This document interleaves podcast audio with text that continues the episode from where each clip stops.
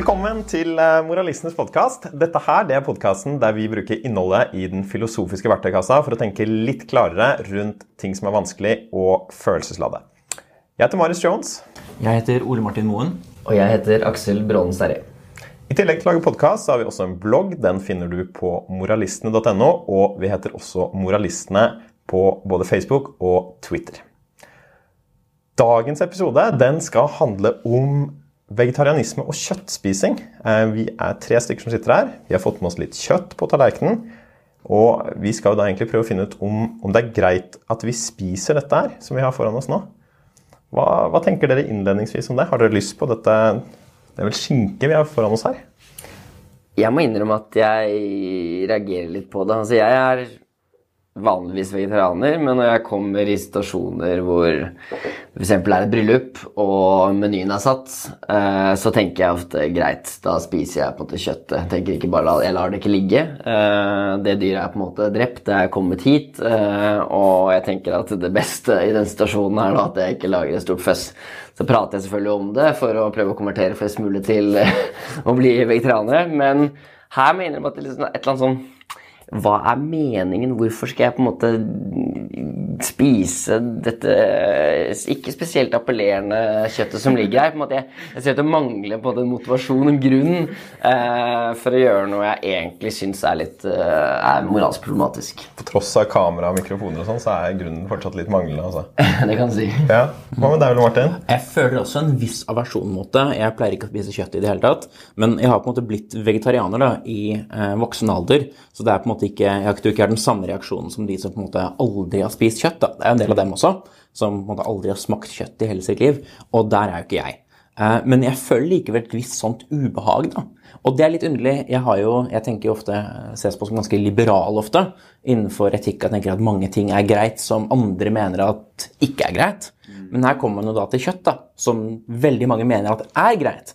Og her har plutselig jeg, og dere også, da, en del reservasjoner. Man tenker er dette egentlig en grei ting å gjøre? Så jeg er nok villig til å spise kjøttet. Eh, Og jeg har merket de få gangene jeg har fått i meg kjøtt, siden jeg ble vegetarianer, så har det hatt en veldig sterk smak. Kjøttsmaken er blitt mye, mye sterkere. Så det er en litt sånn overveldende opplevelse, egentlig. Men på, på en god, sterk måte, eller en vond, sterk måte? Nei, altså, jeg, jeg, jeg, har jo ikke noen gode konnotasjoner. da, eller Jeg assosierer jo ikke noe godt med kjøtt, egentlig. Så det blir en veldig sånn veldig tydelig kjøttsmak. Som jeg først trodde jeg kom til å savne litt idet jeg ble vegetarianer. Men etterpå så er det ikke noen gode assosiasjoner. Jeg tenker at dette er jo musklene til et dødt dyr. da. Veldig interessant det at vi kaller det kjøtt. Kjøtt er jo et, et spennende ord. I biologien så er det ikke noe som heter kjøtt. Du har dyremuskler. Og kjøtt er jo egentlig et ord som bare snakker om dyremuskler, men fra et sånn spiseperspektiv. Eh, Så hvis man spør da, er det greit å spise kjøtt, så høres det ut som svaret på en måte åpenbart er ja. For dette er ikke bare et deskriptivt ord, det er et litt normativt ord også, som sier at dette også er mat. Og det er jo et ord som kanskje vegetarianere da vil være litt uenig i at man bør bruke. Man bør snakke om egentlig musklene da, til døde dyr. For rent biologisk er det jo det som ligger der. Så kaller vi det eventuelt kjøtt da, når vi tenker på det fra et ernæringsperspektiv. Og Vi bytter jo litt navn på ganske mange av dyrene når de dør også. Vi kaller jo det griser og kuer, de som går rundt. Mens det vi finner i kjøttdisken, er jo storfe og svin. Så det er jo en, det ser ut som vi prøver å distansere oss litt der også. Det er åpenbart en distansering som man jo også trenger. Altså man, man lærer jo barn for eksempel, at man skal være snill med dyr. At dyr er viktig. Man går på, på si, besøksgård, eller man har jo dyr selv, katter, hunder osv. Uh, og man prøver å lære at disse må jo være snille mot. Man må ikke slå, man må ikke skremme. Eh, men så kommer man til at man serverer kjøtt middagen, da. Eh, og det er jo en litt sånn ting som man underkommuniserer litt. da. Og da prøver man å dytte dette fra hverandre og ikke snakke så altfor mye om hva som skjer. Mm. det merker jeg selv når jeg har snakket med, med, med barn om kjøtt noen ganger. Så prøver jeg å være veldig ærlig om hva dette her sånn er. da. Og jeg, jeg, og jeg ser at man får litt reaksjoner fra de rundt seg, da, selv om det er ikke noe galt. jeg sier jo ikke noe som er usant. Så er det en slags sånn fiksjon. da. Og det skjønner jeg at foreldre ønsker. Man, man ønsker jo å spise kjøtt, og man ønsker jo samtidig at ens barn skal være veldig empatiske overfor dyr. Og da, da må man på en eller annen måte skille disse litt fra hverandre. da. Men man kan gå andre veien, hvor de sier sånn Det er på en måte greit at du spiser kjøttet bare du har forstått hva det er. Eh, og hvis du nærmest sånn Hvis du kan ta livet av det selv, Da har du på en måte fortjent retten til å spise kjøttet. Men det virker på en måte som ganske absurde ting, mener jeg. Så hvis du på en måte er psykopat, da, ja. så du på en måte er helt uproblematisk med å knekke nakken på flere høner, da er det sånn Ja, da har du fortjent retten til å spise kjøtt, men hvis du er litt sånn squeamish og syns at det er problematisk, så har du ikke fortjent det. Eh, så er den koblingen mellom måte, hva er det du på en måte greier å utføre, og hva du faktisk bør få lov til å gjøre, virker som, en, eh, virker som det står sterkt hos en del folk, men som åpenbart eh, men jeg ikke henger på greip. da. Vi lærer jo barna at de skal være snille mot dyrene. Eh, det, har dyrene godt av at vi er snille med dem? Hvis vi bare tenker liksom på det deskriptive her. eh, vet vi mye om hvordan dyr opplever både dette at vi går og klapper dem, eller at vi slakter dem og spiser dem og sånn? Altså, vi vet jo, altså rent filosofisk da, så vet vi jo strengt tatt ikke om dyr er bevisste. Strengt tatt vet vi ikke om andre mennesker er bevisste heller, for vi har aldri opplevd andres opplevelser, verken med mennesker eller med dyr. Men det er klart, med mennesker så er det jo andre mennesker er veldig like oss selv, og vi vet jo at vi selv er bevisste. Det er det ingen tvil om at vi er. Så er det en antakelig god grunn til å tro at andre mennesker er det også. Men hva da med dyr? Hva med den grisen f.eks., hvis muskler ligger her? Eh, den har jo nervetråd knyttet til seg. Dette har vært en del av et tenkende, følende vesen. Men har det på en måte Er det noen hjemme, liksom? I en gris? Er det noen på innsiden? Eller er det bare en maskin? Sånn som Descartes f.eks. mente jo at det bare er en maskin, en slags kjøttmaskin, uten at, eh, uten at det føles som noe for den. Men jeg tenker eh, Vi vet at vi er bevisste. Eh, vi vet at disse dyrene har samme evolusjonsmessige opphav som oss. Vi vet at de nevrologisk er veldig veldig like oss. Hjernen vår er nesten helt lik. Og vi reagerer på samme måte på stimuli rundt oss. Eh, vi vet at eh, til og med en del på si, psykiatriske medisiner og slike ting har blitt utviklet på dyr først. Så vi er egentlig slående like. da. Jeg tror Hvis noen hadde kommet fra en annen planet da, til jorden og på en måte sett oss og dyrene, så tror jeg det skal mye til at de hadde konkludert med at her fungerer vi på en radikalt annerledes måte enn dyrene. Eh, Og det er klart Vi mennesker kan kanskje være unike i at vi er selvbevisste. Altså at vi selv vet at vi har et selv. Og her er vi, og vi tenker på oss selv som et jeg. Det er det kanskje et åpent spørsmål om dyr gjør. Men å være selvbevisst er ikke det samme som å være bevisst. Bevisst vil bare si at de har opplevelser. For eksempel at de kan lide, føle frykt, føle angst, føle smerte osv. Og, så og det krever ikke selvbevissthet, det krever bare bevissthet. Eh, og jeg, så jeg tenker, gitt på å si evolusjonsopphavet, nevrologisk likhet, funksjonell likhet, så ligger bevisbyrden på de som mener at dyr ikke er bevisste. Det er interessant likevel at hvor langt er det egentlig den på en måte, introspeksjonen der på et eller annet vis går. da? For sånn du på en måte starter med, så er det sånn eh, en mer praktisk på en måte, spørsmål. Hvordan er det vi skal behandle dem? Og så tenker vi ofte nei, de liker sikkert det samme som oss. ikke sant? Eh, vi har hunder, og så tenker vi ja, vi liker å bli kost på, holdt rundt. Eh, er det slik at hunder også liker det? Og så er det noen som sier at nei, hunder liker ikke å bli holdt rundt, fordi da føler de seg fanget osv. Så, kan man innvende at likevel de har på en måte evolvert med oss, og de har på en måte blitt flinke til å holde ut, og de ser når vi er på en måte aggressive mot dem eller ikke. Men uh, likevel så på en måte er det begrenset på en måte, hva vi kan ut fra hva vi selv tenker er på en måte hyggelig og koselig osv., og, så videre, og hva en ku eller hva det skal være liker. da. Så hvor lett er det for oss egentlig å sette oss inn i deres sted og eh, hjelpe dem å ha det bra hvis det er målet vårt? da. Det er åpenbart vanskelig, men det er to forskjellige spørsmål. Da. Liker de for eksempel å bli klappet eller holdt. da. Eh, Og da kan det jo hende at de faktisk har litt andre preferanser enn oss. da. Men det er på en måte, da kan man snakke om at vi og dyr har ulike veier til glede og lidelse. Men når det kommer til glede og lidelse som sådan, så kan man kanskje si mer at det virker som en mye mer grunnleggende ting eh, hos oss, og antagelig hos dyrene også. Og det at de skulle like da, eh, å, bli, eh, å bli påført ganske betydelig kroppslig skade, f.eks. Det, det skal jo mye til. Selv om rent filosofisk må man gå med på at det er jo for så vidt i teorien mulig, men det blir en radikalt lite plausibel teori. For det henger jo litt sammen med, med evolusjonen, dette òg. At vi sannsynligvis ikke har, eh, eller får veldig gode følelser av ting som, som øker sjansen vår for å dø eller ikke reprodusere oss. Mens f.eks. det med å få mat eller ha sex eller noe sånt, det er jo grunn til å tro at det gir gode følelser også i andre enn oss selv. Altså, noen ting er på en måte, tror jeg er ganske sånn clear cut. og Du, du kan jo se det på uh, dyr, og du kan se det på mennesker også, om de på en måte har det bra og dårlig. Uh, men det er jo interessant her, for jeg tror det er veldig mange mener at det som er naturlig for et dyr, eh, er på en måte det som er bra for det. Så veldig mange tenker jo at greit, eh, det som er kanskje verste med på en måte dyrehold, eller at vi spiser kjøtt, eller eh, generelt at vi har på en måte dyr i fangenskap, er det at ikke det, det, det dyret, det konkrete dyret, får leve det livet det burde ha levd. Så det er bedre på en måte å være en elg i naturen.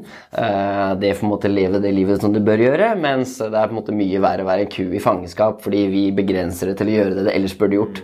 Og det er nok kanskje ikke alltid tilfellet. Kanskje kan det være bedre å være dyr som mennesker passer på, for da slipper du en del av eh, de lidelsene det livet i naturen vil medføre. da. Jeg tror jeg helt klart ville vært en søt hund. Som folk, jeg, vet ikke om de liker å klappe da, men jeg tenker jo at det er gøy. Og så ser jeg jo at folk er veldig snille mot hundene sine. Og jeg tror ikke naturen som du sier, er et bedre sted å være. Kanskje bedre enn det man får oppleve på innsiden av en, av en gård, hvor du er på vei fra liksom, å bli født og bli slaktet i veldig ung alder.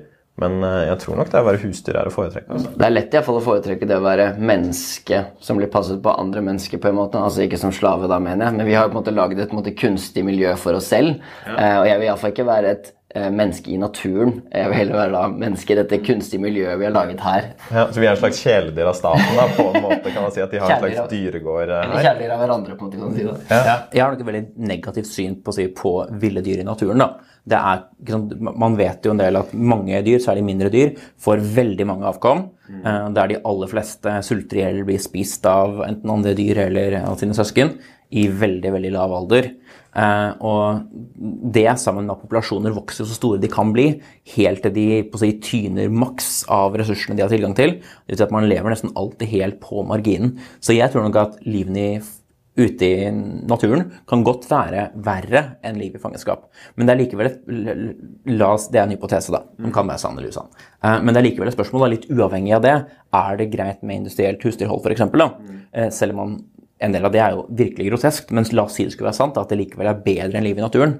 Det kan jo være at begge er ille, og begge ikke er greie, uavhengig av hvor ille naturen er.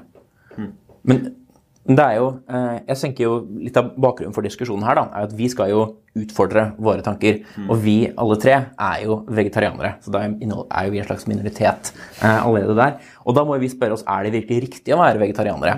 Eller burde vi kanskje spise kjøtt? Det kan jo hende vi tar feil av vegetarianisme, det må vi jo være åpne for. Og da må vi jo se på de beste argumentene imot. Så jeg, jeg kan, skal jeg lufte litt hva som fikk meg til å på si, konvertere da, til å bli vegetarianer. Og så kan vi deretter prøve å si, gå litt inn og pirke i dette her, da, og se om grunnene egentlig er så gode som vi kanskje tror de er. da. Og for, for meg så var dette litt interessant, fordi eh, jeg har jo undervist i etikk, f.eks., og også om eh, dyr og dyrerettigheter og dyrevern, før jeg ble vegetarianer. Men jeg føler liksom at argumentene slo meg ikke helt. Men det var to ting som slo meg, som gjorde at jeg på en måte vippet over da, til å slutte å spise kjøtt. Eh, og det ene er at jeg trodde lenge at, eh, at eh, ja, menneskelig ernæring er jo kjempeviktig. Vi må jo ha mat. altså Det kan godt hende det er ille å drepe dyr, men tross alt dette er for et veldig godt formål, som er å på å si, gi ernæring til oss mennesker. Så selv om det er et onde der, så er det veid opp for av et stort gode. Men det er feil. Eh, ikke fordi menneskelig ernæring ikke er viktig, for det er det jo faktisk, men det finnes jo enorme mengder vegetarisk mat som er tilgjengelig eh, veldig enkelt i Oslo, i ethvert sted. Mye vegetarisk mat. Så det, og som er sunn, som er flott, som er rimelig osv. Så, videre. så det vi dreper for, er jo ikke mat som sådan. Det er den lille smaksdifferansen mellom kjøttmåltidet du spiser, og det beste vegetariske alternativet. Det er det vi dreper for. Så vi dreper ikke egentlig for å få mat, for mat har vi uansett. Vi dreper for den lille forskjellen da, eh, som, som finnes. Og den traff meg da jeg begynte å tenke på det. Den traff meg ganske hardt. For da kunne jeg ikke lenger bruke at ja, men vi må jo ha mat som argument for eh, å spise kjøtt. Eh, fordi annen mat finnes jo.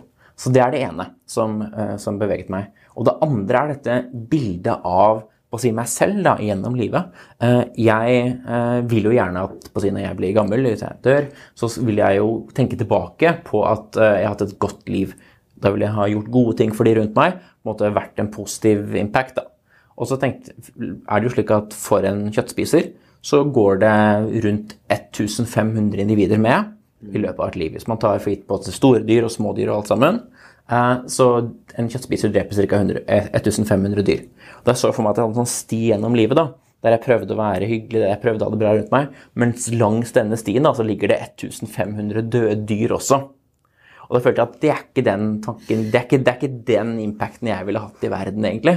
Så de tingene sammen da, eh, gjorde at jeg ble si, beveget over. da. Jeg vet ikke hvordan, hvordan det er for dere. Jeg, jeg kan legge til min på en måte, for den, min, min motivasjon var litt mer sånn psykologisk motivert, kan du si. Jeg husker jeg leste på Jeg hadde snakka litt om det, jeg og kjæresten. Eh, og hun var nok mer på en måte motivert for å bli vegetarianer enn det jeg er. Jeg spiste kjøtt hele tiden og har sånn sett mange liv på samvittigheten.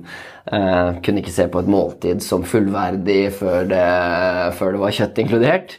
Eh, og så husker jeg leste Fikk den boka, en av de siste bøkene til Peter Singer, som er sånn The Most Good You Can Do, eller hva den heter. Og den er født av noen sånne effektive altruister som jeg, skulle jeg sikkert konvertere til den bevegelsen, som altså handler om å på en måte gi mest mulig effektivt, så mye penger som du eh, orker. Og hele den boka på en måte gå gjennom og argumentere for hvorfor du bør gi bort så mye penger som mulig. da. Og for det er gode grunner for å gjøre det. Og så kommer det siste kapittelet i den boka. handler om at hvis du virkelig skal gjøre noe som er bra, så burde du slutte å spise kjøtt. For der er det så mye lidelse vi påfører. Og da tenkte liksom hjernen min bare Her er det mulig å slippe billig unna. Så hvis jeg først bare, istedenfor å gi bort 50% av inntekten min til eh, malariabekjempelse i Afrika, så kan jeg heller bare slutte å spise kjøtt, så er dette iallfall et veldig bra første steg for å bli et bedre menneske. Så for meg var det bare sånn den lette veien ut, kan du si. når Jeg hadde på en måte to muligheter. Og så har selvfølgelig dette, den effektive altruismen på en måte gått enda lenger for min del. Men det virket som en veldig enkelt grep, og jeg tipper at Peter Singer var klar over det når han skrev den boka. Han presenterer masse masse vanskelige løsninger her, så kommer det en sånn snarvei ut på slutten. Exactly. Ja, Lurt tenkt. For min del så var det mye det artisme-argumentet som traff meg. om at, eh, om at, at vi på en måte som mennesker later som det er en veldig stor forskjell på mennesker og dyr. Og at, eh, at, vi har rett på masse ting, og at vi kanskje også er bevisste, men at dyr ikke er det. Og når man på en måte ser er det egentlig sånn, eller er det så stor forskjell på, så, så tenker jeg at man må konkludere med at det ikke er det. Vi har litt det samme opphavet. Eh, vi har sannsynligvis eh, også ganske samme opplevelse av, av, hva som er fint og hva som er dumt. Men jeg tror jeg tok det argumentet og stolte på det, eller kjøpte det argumentet, ganske lenge før jeg ble vegetarianer. Og ganske lenge at jeg gikk rundt og tenkte at ja, dette er fælt for dyrene, men uh, sånn er det, liksom. Og jeg gidder ikke å ofre hamburgeren for det, for jeg syns hamburgeren er veldig god. Um, så jeg tror det som bikket det for meg, var å komme egentlig til Oslo og møte andre som var vegetarianere, og som jeg kunne litt identifisere meg med. Mm. Uh, jeg tror det ofte er veldig viktig hvis man skal tenke at man skal omvende folk til dette. da. Uh, ikke bare det på, på en måte den intellektuelle, men også at du må på en måte komme blant likemenn. og vet ikke, kanskje litt sosialt press for å, for å, komme over i det. Det er veldig hardt hvis du er én blant veldig mange kjøttspisere, og så på en måte skal du være den ene vegetarianeren. Og jeg har jo vært den personen som har hatt veldig lite forståelse for vegetarianere blant mine venner tidligere. Mm. Eh, ikke sant? Hvor jeg inviterer til middag, jeg skal lage mat. Eh, jeg vet jo ikke hvordan jeg skal lage mat til vegetarianere, så kommer det en og sier jeg er vegetarianer, så sier jeg ok, da må du nærmest ta med deg egen mat. Mm. Uh, Isteden det jeg burde selvfølgelig gjort, og som jeg krever noe av mine, mine, mine bekjente og venner, er jo at de lag vegetarmat til alle sammen. Dette er uansett bedre. Dette er jo den moralsk høyverdige måten å leve livet sitt på.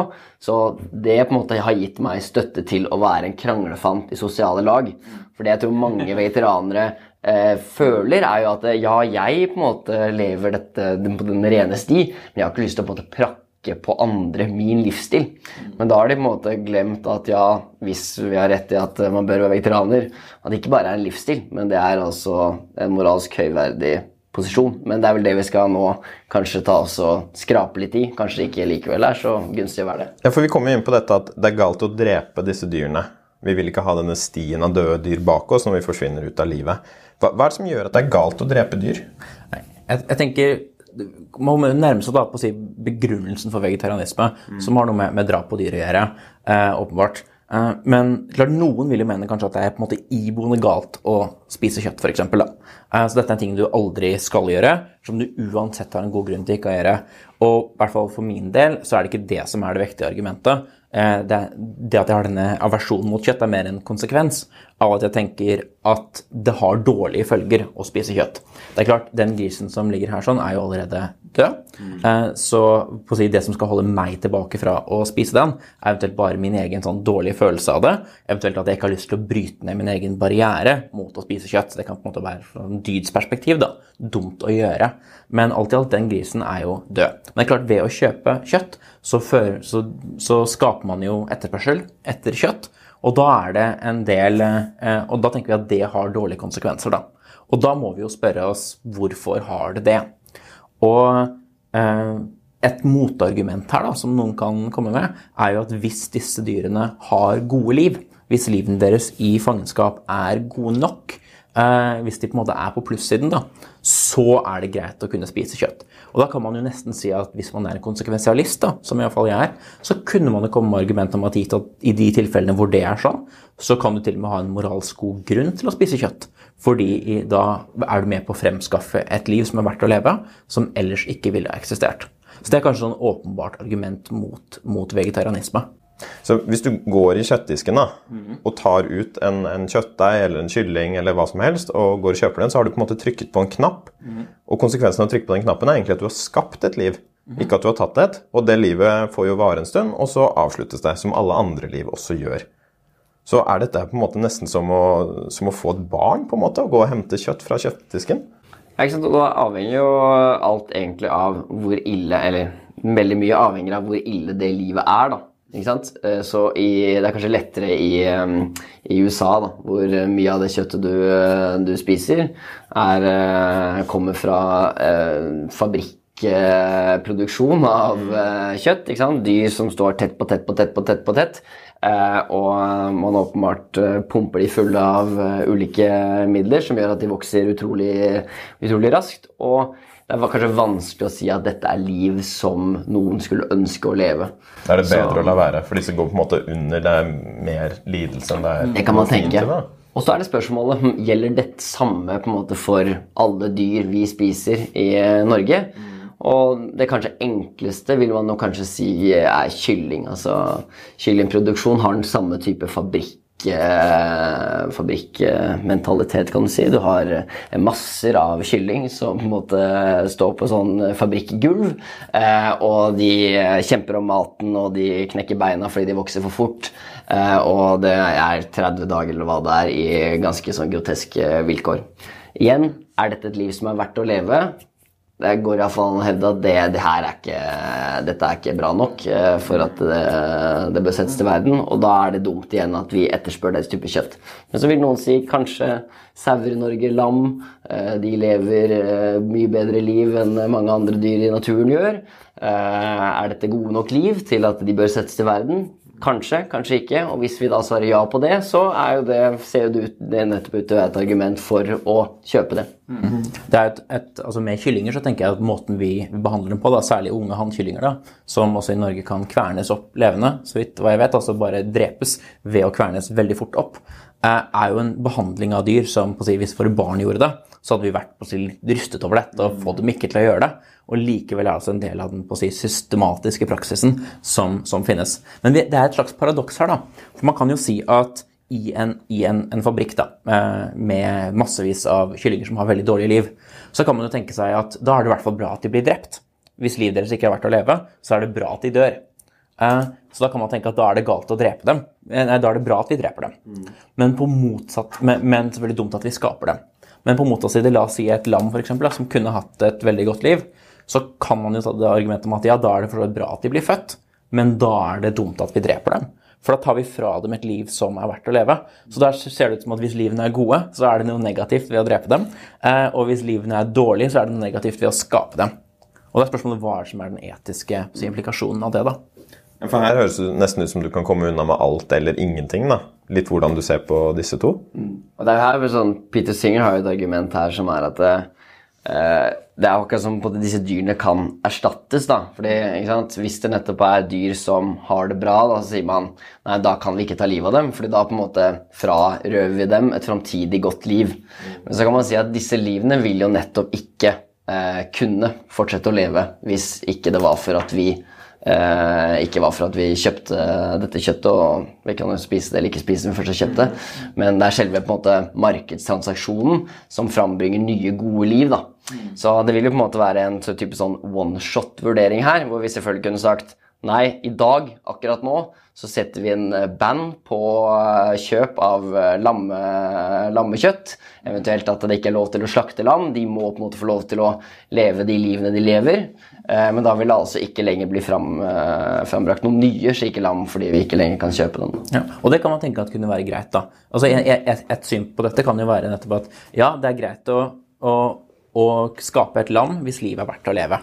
Men når du først har skapt det, så er det ikke sikkert at du kan behandle det som du vil, eh, gitt at, men bare holde det innenfor at dette livet, livet alt i alt er så vidt verdt å leve. Det er i hvert fall ikke det vi ville mene om mennesker. Man kunne se en parallell grotesk eksempel der man har mennesker som blir født inn for eksempel, til å bare kvinner som blir født inn til å være surrogatmødre. Eh, og eh, de får ingen utdanning, de får ingenting, de blir bare holdt i sine små rom. Eh, men så sier man til dem, da, hvis de klager over omgivelsene sine, at hei, dere ble skapt pga. denne praksisen. her sånn. Hadde det ikke vært for surrogatifabrikken, så hadde ikke deres liv blitt skapt. Og deres liv er jo antagelig verdt å leve i sørge for at de er på en måte akkurat på positivsiden, da, hvis vi kunne funnet ut av det, men de kommer aldri ut. Og da vil si at det likevel vil være negativt. Idet vi har skapt et liv, så har vi et slags ansvar for dette. Og det, at, og det å gjøre negative ting med et liv vi har skapt, helt frem til de er så dårlige at det ikke er verdt å leve, det har vi likevel ikke lov til. Og det kan man tenke, det kan noen mene at det er en asymmetri selvfølgelig her mellom mennesker og dyr, eh, men det er kanskje ikke en total asymmetri. Man, men, det, men, det, blir ikke et spørsmål i det vi ser ta systemet som helhet. da.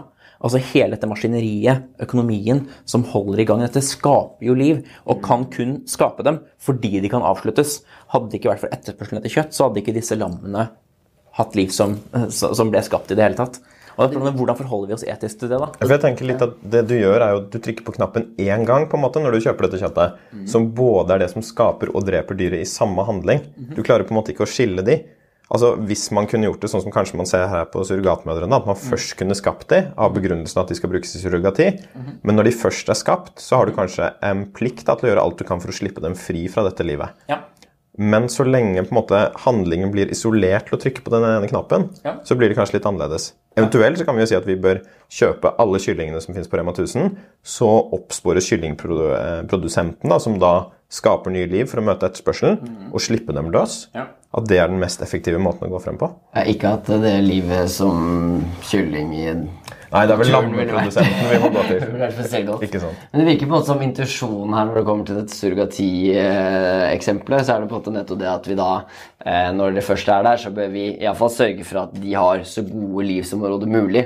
Og det virker jo til å gjelde kanskje også iallfall en naiv eh, innfallsvinkel her, er jo bare greit, alle liv vi setter til verden, eh, bør eh, nå opp til en viss type terskel. De må over en viss terskel for å si at dette er liv som vi kan sette til verden. Da. Det holder ikke å si at det er minimalt verdt å leve. Det må måtte være ganske bra, slik et liv som f.eks. om det skal være vi kunne tenke vi kunne spist hunder, eller det kunne være vi spiser sauer, så må det på en måte livet som sau være tilstrekkelig godt. Og det er det eneste på en måte livene vi vil framsette. Men også det kan kanskje ha noen problemer. Ja, Det er interessant. altså Det å, det å skape liv som ikke er verdt å leve, der er det en ganske bred enighet om at det er noe man ikke bør gjøre. Mm. Men når det kommer til liv som er verdt å leve, er det noe man på en måte får liksom moralske creds for å gjøre? Og noen totalutilitarister eh, vil jo si at ja, eh, en, å, si, om, å, å, skape en, et nytt liv med glede i, det er noe du får moralske creds for å gjøre. Eh, mens et annet syn kan jo være at hvor mange av livene som finnes, det er ikke så viktig, men hvor mange enn liv det er, de skal gjøres lykkelige. Så gitt det synet, eh, hvor du på en måte tenker at det gjelder for de individene som er der, så er det La oss si du hadde kunnet velge mellom å ha 100 veldig lykkelige individer eller 1000 veldig lykkelige individer, så kan man si at det på en måte er det samme. Eh, så det å skape et nytt lykkelig individ, det kan kanskje være tillatelig, men det er ikke noe du får noen cred for. Og jeg tenker dette her er noe som har mye å si for hvordan du ser på uh, kjøttspising. Ikke med industrielt husdyrhold, men med dyr som har liv verdt å leve. Sånn som svenske filosofen Torbjørn Tensjø f.eks. er en total utilitarist som spiser kjøtt. Eh, og jeg tror hans begrunnelse er omtrent dette. At livet deres, i hvert fall en del typer kjøtt, er verdt å leve. Og da er det bedre at de lever enn at de ikke lever. Så der har vi jo på en måte helt ruled out at det er greit å spise kjøtt fra industrielt husdyrhold.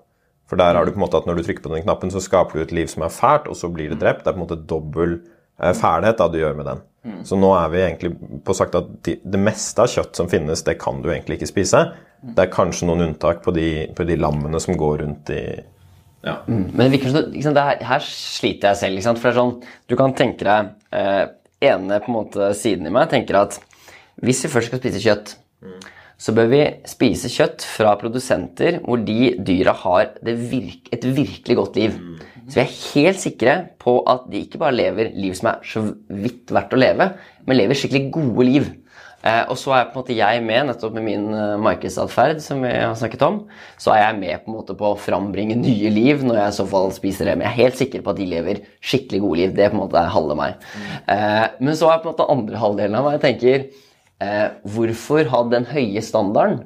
Altså, Hvis det er slik at vi nettopp tenker at eh, livet er verdt å leve, og dette, sant, Prisen vil jo bli veldig høy da, hvis det skal være slik at vi skal gjøre alt vi kan for at disse livene skal bli skikkelig gode.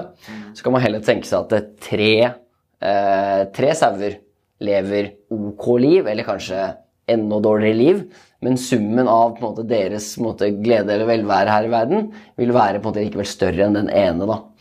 Og det virker også på en måte Iallfall ikke helt uh, merkelig å tenke at det heller da er bedre at det, disse tre sauene får leve.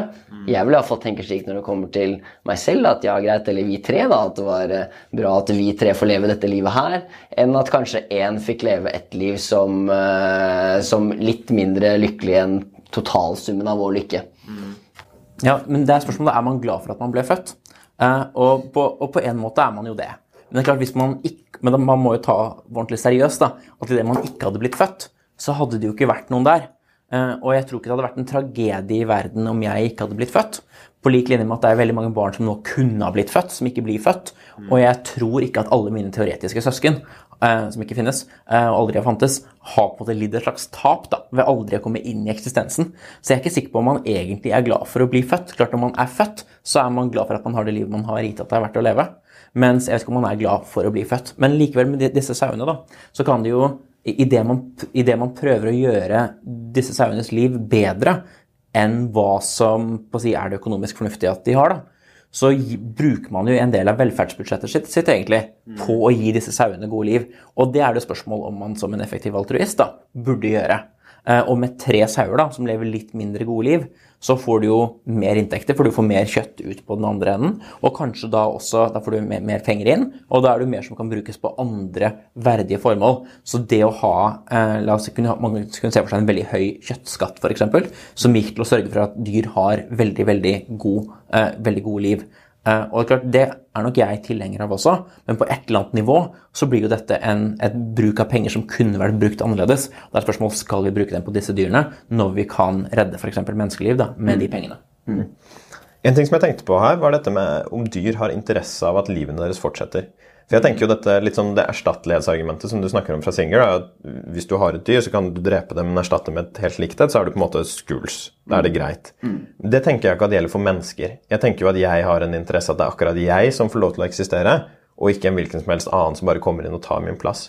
Eh, Er, er det en forskjell på dyr og mennesker her? Er det sånn at vi har en eh, større interesse av at livet vårt fortsetter? En vanlig måte å tenke på dette er jo at eh, greit, jeg har noen interesser, jeg har masse planer for livet mitt. Jeg tar nå en doktorgrad i filosofi, jeg vil gjerne se den doktorgraden bli fullført. Jeg har satt i gang en del prosjekter, jeg har ikke prøvd å på en måte maksimere min lykke hittil i livet. For det er masse ting jeg skal oppnå nå i livet mitt. Jeg har masse venner og ting jeg på en måte setter pris på, som jeg ønsker å se fullført. da. Så hvis jeg på en måte blir noen tar livet av meg i morgen, så er det ikke bare det at det er, eh, jeg ikke er der i morgen og får oppleve den samme type måte, glede eller hva det er som jeg får oppleve i dag, men det er også en hel del prosjekter som blir måte kuttet av. da. Så på en måte, det vil kanskje i samme ikke gjelde for en del dyr. De har ikke de samme type langsiktige planene som vil bli kuttet av på samme måte som det gjelder for mennesker. Da. Så kan man si, si da at mennesker har en større grunn til å leve også i morgen enn det dyr har. Men om det likevel virker kanskje for radikalt å si at dyrene på en måte ikke har noen interesse av å leve videre. Det virker jo også som hvis du da nettopp tar og eh, avslutter, et, dyreliv som da ellers ville gått videre til å leve en dag til og hatt gode opplevelser, hvis det er det vi antar, så virker det som de også på en måte har en grunn til å ønske at de skal gjøre det. Eh, og man vil også si at de også har preferanser kanskje som er, ligger fram i tid. At eh, de skal eh, De har på en måte En del dyr har familie, de har eh, interesse av å spise i morgen. Eh, sånne ting som også vil være uheldig at man eh, kutter av. Da. Jeg synes det er veldig rart at mange har ofte litt annerledes teorier om menneskelig død og om dyrsdød. Mm. man tenker nettopp, Du har jo en del, en del sånn som Epikur eksempel, som tenker at en, en smertefri død for et menneske aldri kan skade det. Eh, fordi ok, da er det en nytelse det mennesket ikke fikk i morgen, men det mennesket er jo ikke der i morgen, og dermed er det ikke noe menneske i morgen som taper noe. Det å lide i morgen eller ikke nyte i morgen, det hadde vært ille. Men å ikke finnes i morgen, det, det hadde ikke vært ille. Så epikur har jo på en måte det synet på mennesker som de fleste har på dyr. For meg ville vært, er det litt Det kan kanskje være riktig teori, men for meg er det litt rart å ha radikalt forskjellige teorier om døden til dyr og døden til mennesker.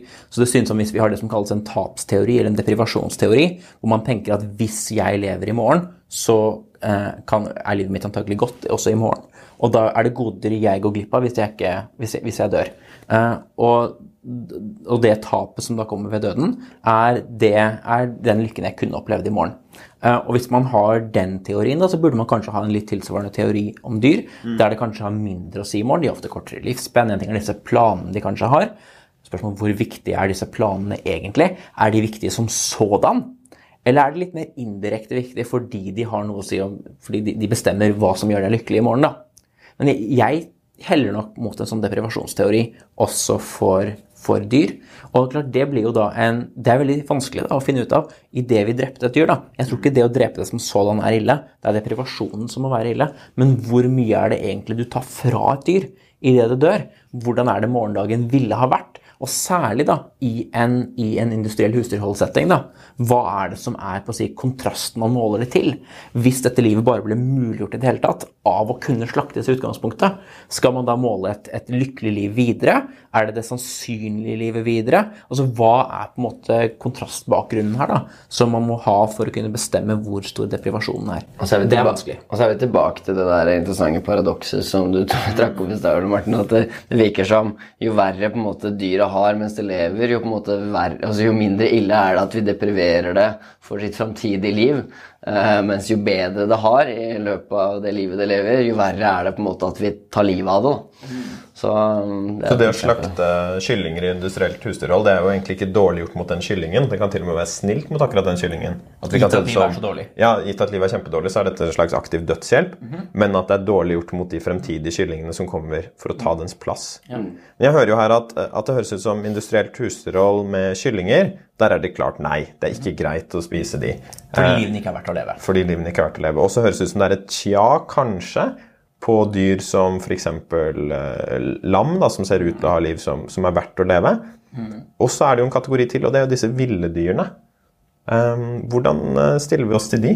Ja, Det er en del som sier at uh, de er mer komfortable med å spise ville dyr fordi de har i hvert fall hatt gode liv. Mm. Det er det en del som, som sier. Uh, og Derfor tenker de at det kan være greit å spise dem. Og jeg heller måtte lande på litt av samme konklusjon, om at det er greit, kan være i hvert fall mindre ille, å spise dem. Men det er fordi jeg mener at de fleste ville dyr har veldig dårlige liv. Og da er det bra at vi får dem ut av sin lidelse, som eutanasi, på en måte. Så det er litt interessant hvordan man da kan ha radikalt forskjellige grunnpremisser og likevel lande på litt av den samme konklusjonen. Min intuisjon, eller min, min konklusjon, mer en konklusjon enn en intuisjon, er at de fleste ville dyr har liv som ikke er verdt å leve.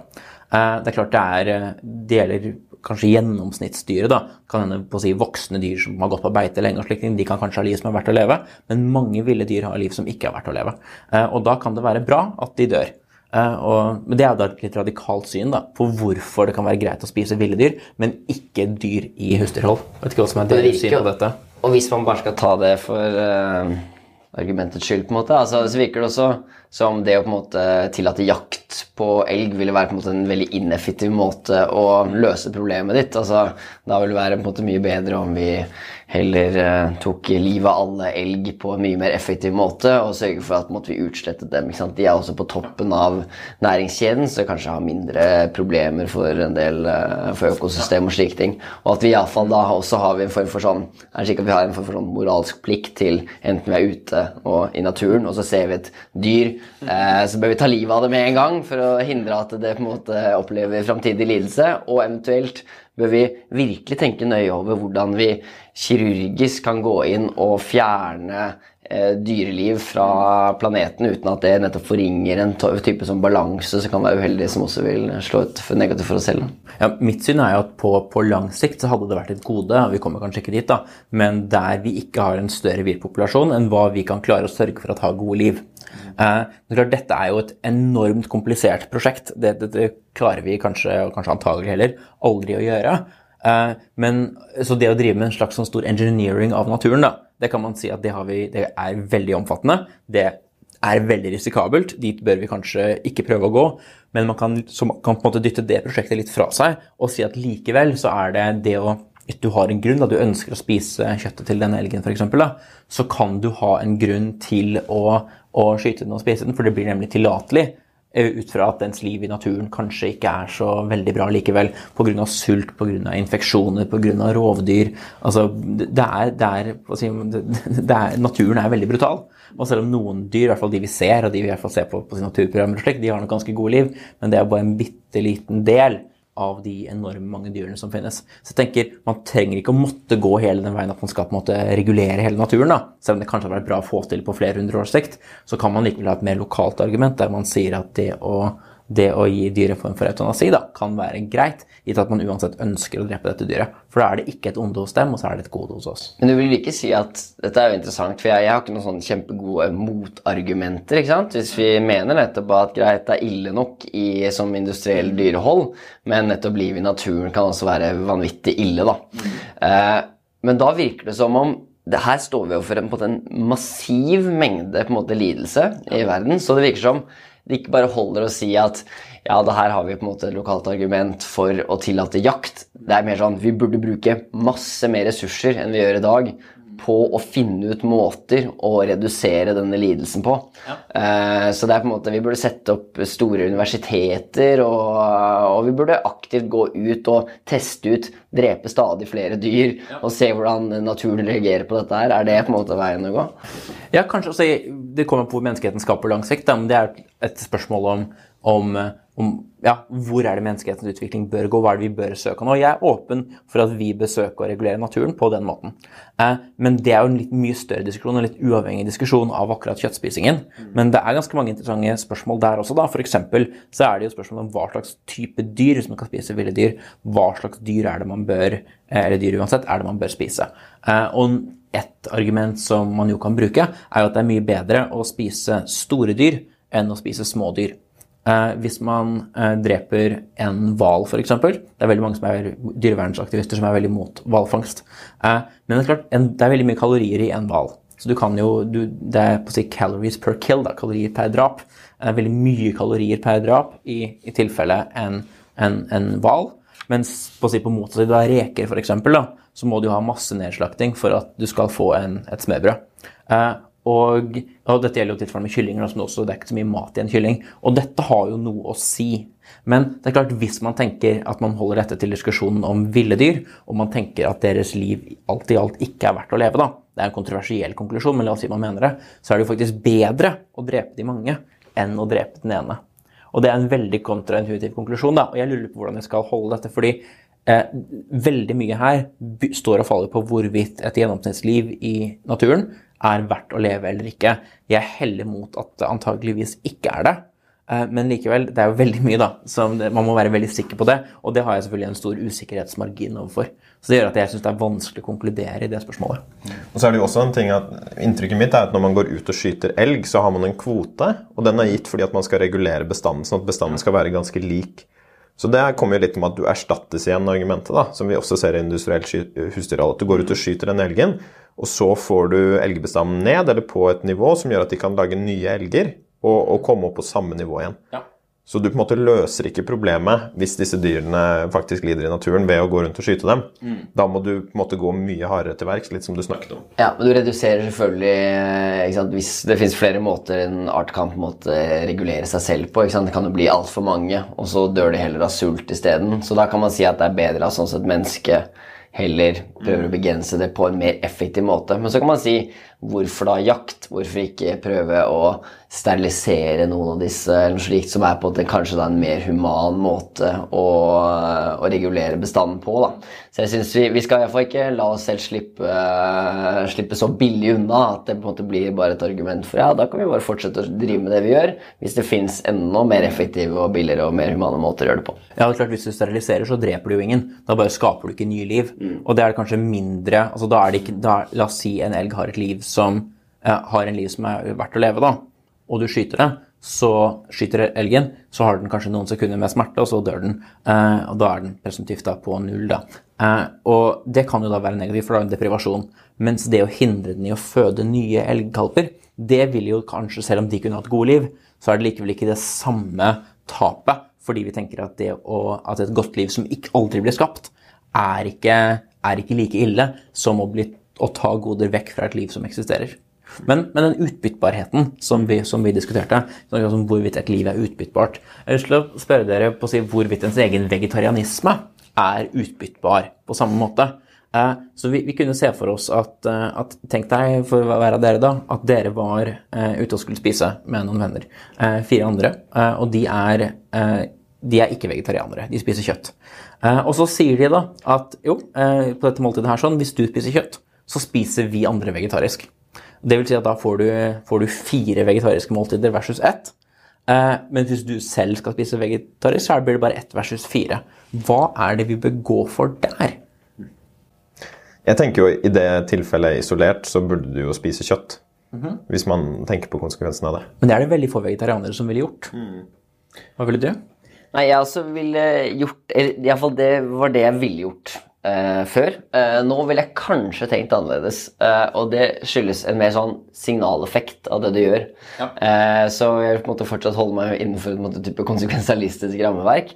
Men noen ganger så er det slik at man tenker det er lokalt der f.eks. du er et sted, og så er det nettopp noen som har kjøpt inn mat allerede. Mm. før den egentlig, ikke sant? Så tenker du greit, her er på en måte nettopp dyret drept, det kommer til å gå og bli kasta hvis ikke jeg spiser det. Mm. Og så spiser man, da.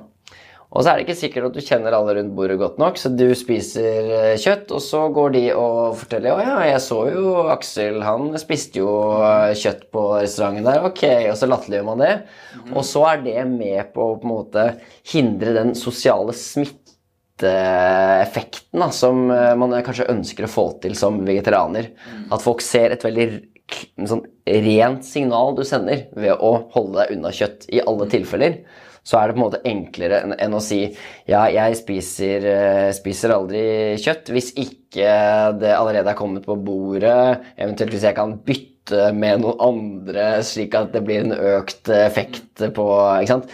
Så no, det kan iallfall være et argument for å holde en annen for at vegetarianisme blir en form for en regel som du følger. Mm -hmm. Så selv om du ikke på en måte eh, på kort sikt eh, maksimerer eller minimerer dyrelidelse, så er det likevel en bra ting på, på lang sikt å holde den, uh, sin rene sti. Da. Ja, og en, en, ting er jo signaleffekten for andre, altså at du, du, ønsker å fremme dette og sånn sett være en som er vegetarianer. Eh, tilsvarende også, la oss, si, la oss, si, du får vite ok, vi kommer til å Det er et typisk eksempel i, i filosofien også, at noen du sier de vil drepe 20 personer, men du kan drepe én. Mm. Uh, og dreper du da én for at ikke de andre 20 skal bli drept, det er ikke blod på dine hender. Uh, og da er vel kanskje svaret at i teorien ja, du, det, det, kan være riktig, men det er så si, verden er full av så mange kausale relasjoner da, at det, det, er vanskelig å kunne si, holde det som et, et, et prinsipp. Så én ting er da altså, hva signalet du sender ut, det andre er jo overfor deg selv også. da. Det er veldig kanskje bedre for en selv å være vegetarianer og nettopp holde seg unna dette, men likevel gå med på at hvis det er ekstreme tilfeller da, der du faktisk kan redusere lidelse uh, ved å selv spise kjøtt, så bør du gjøre det. Det er bare at du må ha en ganske høy barriere før du går dit. Mm. Og Dette kan jo både være med å styrke et sånt for sånn tabu, for igjen det avhengig av hvor vi lander i denne diskusjonen her, men hvis vi mener at vi har veldig gode grunner til å være veteranere, så bør vi også måte tenke over måter å gjøre det å spise kjøtt til et større tabu enn det er i dag. Ingen ville finne på å spise menneskekjøtt selv om det mennesket var på en måte døde av naturlige årsaker og hadde hatt det bra. ikke sant? Ingen, det, var, ja, ja, det var ingen, ingen, problem, ingen problem med dette her. Eh, så vil likevel de fleste få en sånn utrolig ekkel følelse av å skulle tenke, bare tenke på å gjøre det.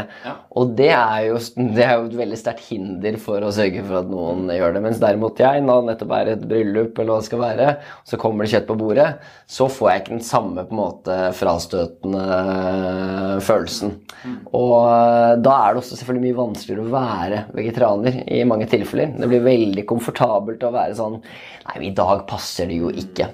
Så det å på en måte holde igjen den rene sti og prøve å tenke opp strategier for å gjøre dette her til eh, noe vi på en måte frastøtes av, og som blir et tabu, kan jo være lurt. da. Ja. For det finnes jo sikkert mange andre effektive måter å, For det, det vi vil, er jo å redusere antall dyr som må gå gjennom denne veien fra fødsel til død i eh, sånne factory farms. Så det f.eks. å betale andre mennesker for å bli vegetarianere, det kunne jo hende at det er en ganske effektiv strategi, i, i hvert fall hvis du betaler folk i lavkostland. Hvor ofte dyr blir behandlet dårligere også enn de blir i Norge. Mm. Så det å betale andre der for å være vegetarianer Du kan betale to for å være vegetarianer for deg selv. Og hva vil man mene om det? For det høres jo ganske snevert ut da, hvis vi, hvis vi virkelig tenker at det er veldig dumt at så mange dyr lider seg gjennom disse livene her. At vi bare begrenser oss til å la være å spise kjøtt personlig. Ja. Er, tenker du at det er andre effektive strategier for å redusere dyr som går gjennom eh, eh, liv som ikke er verdt å leve? Jeg, jeg tenker at en måte å nærme seg er jo å ta det tankeeksperimentet litt ordentlig seriøst. Da. La oss si du møter en person som spiser kjøtt. Og så prøver du å si at ja, men det er bra å være vegetarianer. Ja, men jeg betaler to stykker i, i Bangladesh som ellers ville spist kjøtt, for å være vegetarianere. Eh, og, og betaler en del tusenlapper i året for at de skal være vegetarianere. Så da gjør jeg dobbelt så mye bra som bare en vanlig vegetarianer som ikke gjør noe av det. Gjør. Og det er jo på en måte en litt sånn underlig konklusjon, der man vil tenke at det er et eller annet som er rart der. Men som konsekvensialist er det litt vanskelig å sette fingeren på nøyaktig hva som er problemet. Men det vil jo likevel være på en måte For det er en sånn spørsmål i den situasjonen der, hvor du har betalt to stykker for å være vegetarianer, så er det likevel spørsmål sånn Jo, men hvorfor kan ikke du også være det? Har du på en måte gode grunner for at absolutt du må gjøre det? Du står likevel overfor deg på nytt, det nye valget, som er sånn Kan du forsvare den marginale gleden du får ved å bytte ut nettopp eh, veget det vegetarmåltidet med et kjøttmåltid? Kan du forsvare da de livene du har på samvittigheten? Så du kommer på en måte ikke unna problemet, men jeg er helt enig i at vi bør tenke ganske klokt over måter å redusere dyrelidelse på. Eh, og én ting er å på en måte subsidiere, betale noe for vegetarianere. Og det har noen, det er, har noen vanskelige på en måte, spesielt implementeringsproblemer. Hvordan følger du opp og sørger for at de faktisk gjør det de har lov til å gjøre? Eh, men det økonomene liker å gjøre, er jo heller å skattlegge den, det de kaller den negative eksternaliteten eh, som vi påfører andre. Og her vil det på en måte være den som er direkte skadelidende, er selvfølgelig dyret. Så hvis vi tar de med inn i kalkylen, så kan man jo tenke at man enten forbyr, selvfølgelig, eh, det at man eh, spiser eller kan kjøpe kjøtt som har, eh, har gått gjennom et så vondt liv. En alternativ måte er å prøve å en måte sette en pris på, en avgift, på dyrelidelse. Slik at jo mer dyrelidelse du på måte har påført noen, så for eksempel man kan tenke seg hva er dette, er det foie gras i han, sånn, som visstnok lages på en måte som er eh, utrolig ubehagelig for den gåsen som må gjennom dette her, da må du betale en utrolig høy avgift for å få lov til å gjøre det. Eh, Det har den effekten at du faktisk eh, betaler for deg, kan man si.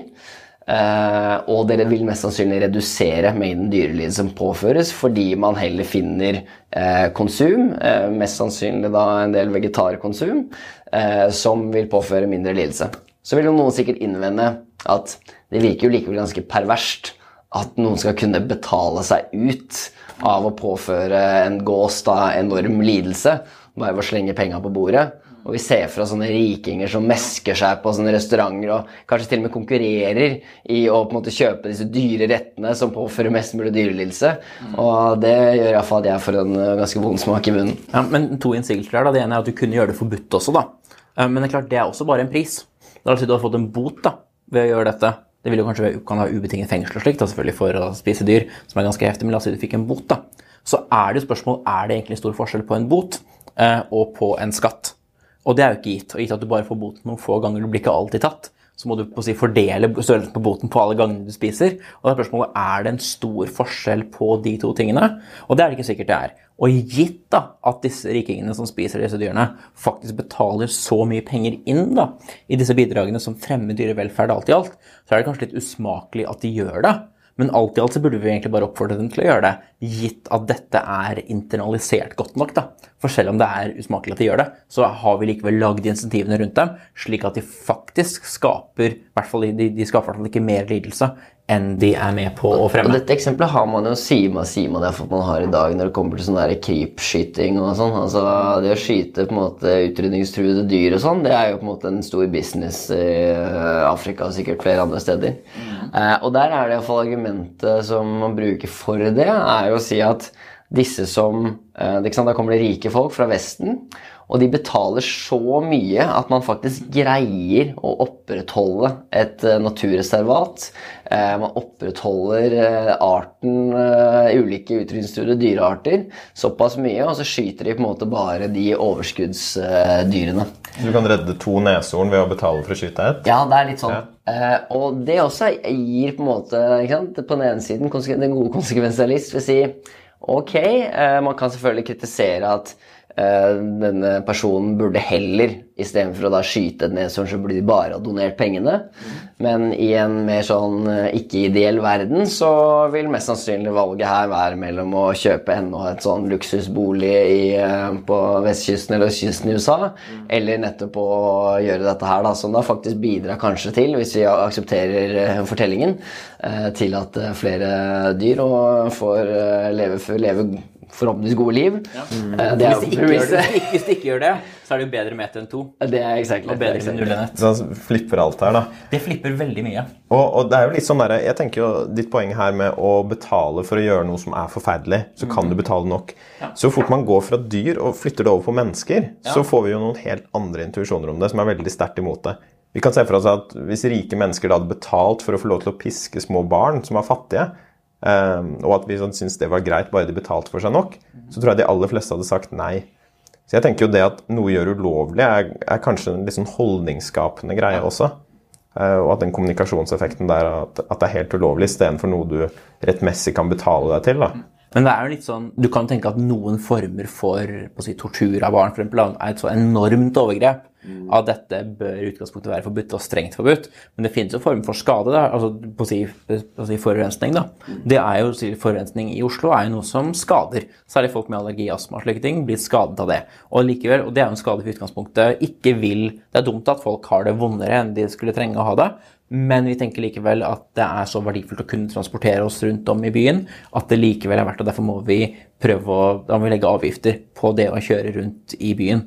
Eh, så på et eller annet nivå så går vi med på det, men det synes jo bare at vi må trekke en grense da, der dette overgrepet er såpass så voldsomt, da, som i eksempelet ditt, da, eh, at det rett og slett bare bør være forbudt. Det bør ikke være mulighet for å si at ja, men jeg legger nok penger på bordet. Nettopp fordi man ønsker også, da, noe av det man ønsker med en rettsstat, er jo å garantere innbyggeren så godt man kan at visse ting ikke vil skje med en. Slik at du har den tryggheten at du er beskyttet av staten. Men hvis du har denne muligheten, da, hvis noen betaler tilstrekkelig mye, så kan de gjøre hva som helst med deg. Så kan nettopp det er, underminerer da, hele poenget med å ha en stat som, som beskytter en med politi og militære. For å, for å prøve å lukke litt den samtalen her. Vi har jo fortsatt denne skinken foran oss. Eh, Vi kan velge å spise den. Eh, Hva, hva tenker dere om det når den ligger her nå, etter denne samtalen? Det er jo litt sånn interessant akkurat det der. at Man har på en måte prøvd, og Vi har jo forstått testet våre argumenter her også, så det er jo på en måte grunner nå kanskje til å si ja, ja, hvis den har levd et eh, ok liv, så eh, bidrar vi jo nå bare videre. Du har jo på en måte allerede skaffet den hit, da, så det vil jo ikke være en ytterligere etterspørselseffekt her. Men eh, likevel så vil du bare fullbyrde det du har startet på, som er å opprettholde dette gode livet. Eh, men det er også litt som man har brukt liksom lang tid på å forsvare vegetarianismen, så blir det på en måte noe absurd. Eh, man er lite, jeg, jeg, blir, jeg har blitt enda mindre motivert til å spise dette kjøttet etter den samtalen enn jeg var når jeg startet. Så det kan jo være måte et argument uh, hvis andre fungerer på samme måte som meg, da, til å få folk til å forsvare vegetarianismen, om enn bare som en øvelse, kanskje allerede i skolen, uh, ganske jevnlig, slik at det da vil være vanskelig for dem å opprettholde en sånn atferd som går på tvers med det de tidligere har forsvart. Så uansett om dette kjøttet her bidrar til eh, flere dyr som har vonde liv, eller gode liv, eller om det er ville dyr som, som vi kanskje tenker oss er vonde liv, så, så er det ikke noe du vil spise. I dag tror jeg jeg sier nei, ja. Hva med deg, Ole Martin? Ja, jeg, jeg også tenker det. Eh, Jeg, jeg, jeg føler jo ikke noen, noen Jeg vil ikke få noen glede av å spise det. Eh, Hadde jeg vært kjempesulten, så klart da, og det ikke hadde vært noe annen mat rundt meg, så kunne jeg funnet på å gjøre det. Men jeg tror det å opprettholde dette både for en selv og i samfunnet, et visst tabu på å spise kjøtt, kan være veldig bra. Og de fleste er vant til å tenke litt sånn om, om kannibalisme, f.eks. Som vi var inne på i sted også, la oss si man fikk vite at ja, dette var et menneske som bare hadde dødd i en ulykke. Og her er jo litt av musklene deres som er tilbedt på en veldig fin måte. Vi har undersøkt det, det er ikke noe sykdom du kan få av dette. Alt er veldig greit. Her er det. Ville du spist det? Og som en konsekvensialist så vil jeg gå med på at hvis du isolerer det fullstendig fra alle effektene av, det, av dette har, eh, og viktigheten av å opprettholde tabu for deg selv og andre på å spise menneskekjøtt, så er det ikke noe iboende galt i å gjøre det. Det vil jeg være enig i. Og jeg tenker noe av det samme gjelder her. da. Det ikke, vil ikke være iboende galt å spise dette, men gitt hele konteksten da, og for å si min syke eh, kommunikasjon videre også, så er det i utgangspunktet bra at folk ikke spiser kjøtt. I alle fall enn så lenge, da at veldig mye av kjøttet vi spiser, kommer fra dyr som er behandlet ganske dårlig. Og det må vi jo forvente at de er. Altså Hele målet med eh, industrielt husdyrhold er jo å få ut kjøtt, eventuelt andre dyreprodukter. Det er ikke velferden til dyrene. Så deres velferd er relevant bare indirekte hvis den bidrar til et bedre produkt til slutt. Så her er det to veldig forskjellige mål. Og ja, du har dyrevelferdslovgivning som gjør at du har grenser for hvor ille du får det men det er likevel en ganske sånn brutal utnytting der, da, og interesser som ikke er aligned eh, i det hele tatt. Som gjør at jeg tror vi har grunn til å tro at vi ved å akseptere spising av kjøtt skaper mer lidelse enn vi gjør hvis vi fortsetter å være vegetarianere. Mm. For min egen del også tenker jeg det at det, det, er mye som ligger i den signaleffekten der. da. Og selv om jeg kan se for meg en fremtid hvor dyr eh, oppdras på en måte som, som, gjør at alle dyr som skal bli kjøtt, har fine liv, og at det derfor kanskje er greit å spise dem, så, så, tenker jeg at sånn som verden er i dag, så tenker jeg at det store andelen av kjøtt som vi får i oss, det kommer jo fra liv som har hatt det helt forferdelig. Og da er det kanskje tid på å bygge et tabu da, enn så lenge, for at man ikke skal spise det. Du har nå lyttet til en episode av Moralistenes podkast. Denne finner du både i Soundcloud eller din favoritt-podkast-app. Så lik gjerne eller del, og husk å abonnere på podkasten. Hvis du vil vite mer om oss, så finner du oss også på moralistene.no. Der er bloggen vår, og vi heter Moralistene på både Facebook og Twitter. Takk for nå!